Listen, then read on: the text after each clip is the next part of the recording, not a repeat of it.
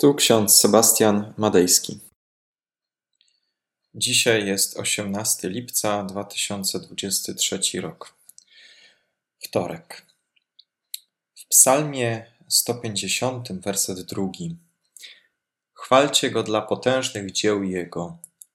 Chwalcie go za niezmierzoną wielkość Jego. Oraz list apostoła Pawła do Rzymian, pierwszy rozdział, dwudziesty werset.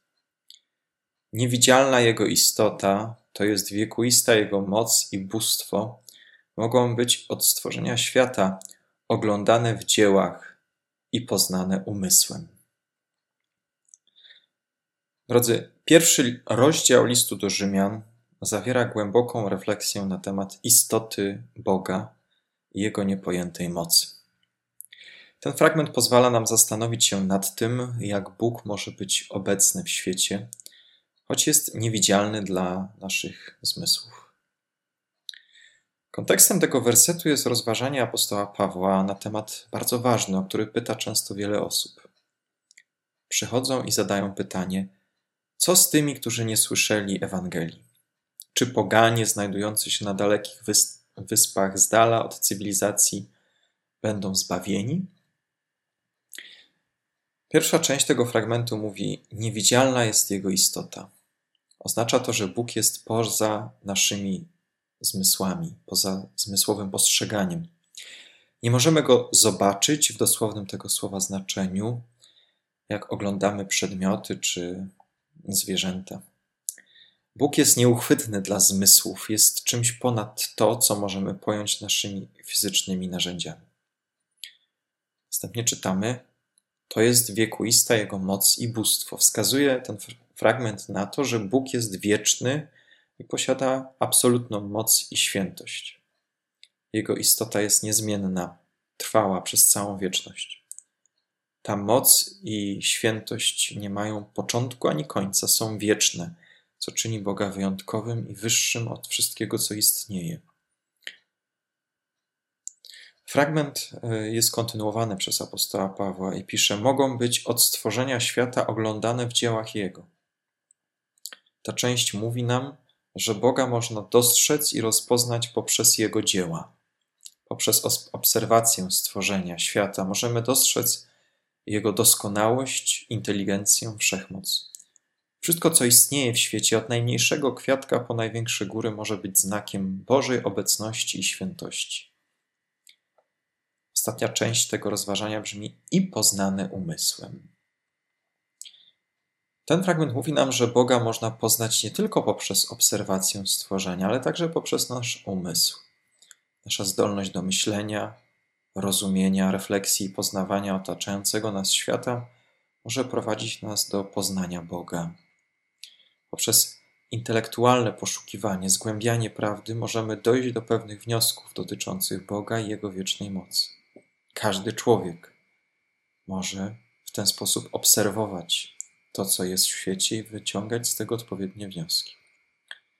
To wszystko, o czym mowa, można wywnioskować na podstawie obserwacji przyrody, świata nas otaczającego. W każdym człowieku jest ta czułość na Boże stworzenie.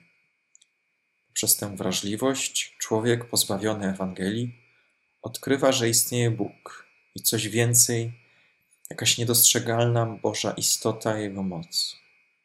Wynikiem tej refleksji są różne religie na świecie, które poszukują Boga. Jednak wiara chrześcijańska tym się wyróżnia spośród nich, że głęboko wierzymy w to, że Chrystus zniżył się do nas.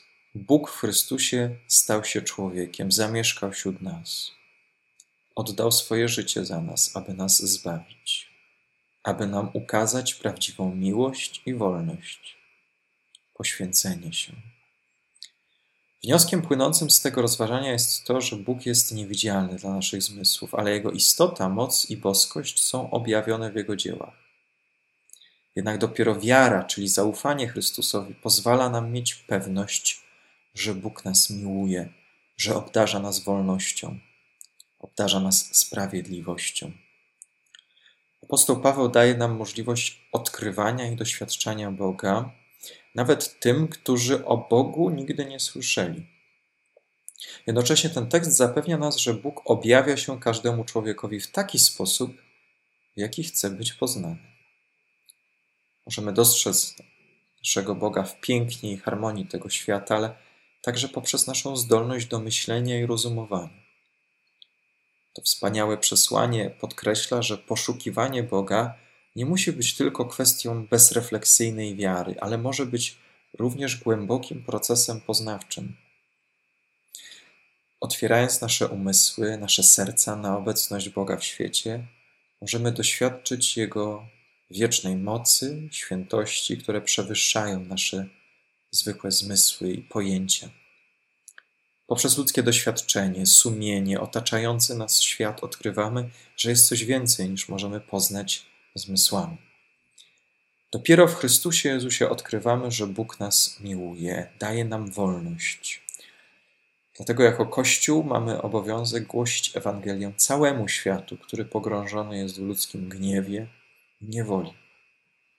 To zadanie bardzo odpowiedzialne, ponieważ współcześnie gniew i przemoc dominują w świecie, pełnym w cudzysłowie chrześcijan, ale takich chrześcijan, którzy nie postępują zgodnie z Ewangelią, lecz zgodnie z własnymi interesami. Im bliżej Chrystusa, tym bliżej Boga, który objawia się całemu światu. Wynikiem tego objawienia są miłość, wolność i odpowiedzialność, realizowane po prostu, na co dzień, każdego dnia. Amen. Pomódlmy się. Wszechmogący Panie, pragniemy Ciebie chwalić poprzez to, co widzimy, to, co czujemy. W obliczu nieograniczonej Twojej mocy i świętości padamy na kolana, podnosimy nasze ręce ku górze, ponieważ wierzymy, że Ty o nas dbasz. Obchodzić Cię nasz los. W Jezusie Chrystusie ukazałeś nam i całemu światu, że nas pragniesz zbawić ocalasz nas, dajesz nam sprawiedliwość, miłość, wolność i odpowiedzialność. Spraw, Panie, łaskawie, abyśmy jako Kościół zawsze i na każdym miejscu zwiastowali Twoją Ewangelię, która przemienia świat, która stanowi światełko nadziei w tym świecie. Aby wszystkie, wszystkie podziały, wszystkie trudności, problemy, które doświadczamy w tym świecie, aby nie przesłaniały nam tego, co Ty nam dajesz. Wszechmogący Panie, wysłuchaj nas, kiedy wołamy do Ciebie, kiedy chwalimy Ciebie za wszechmocną Twoją wielkość i potężne Twoje dzieła w tym świecie. Daj nam Ducha Świętego, abyśmy potrafili z odwagą głosić Ewangelię, która nas przemienia każdego dnia. Amen. A pokój Boży, który przewyższa wszelki rozum, tak niechaj strzeże serc naszych i myśli naszych w Panu naszym Jezusie Chrystusie ku żywotowi wiecznemu. Amen.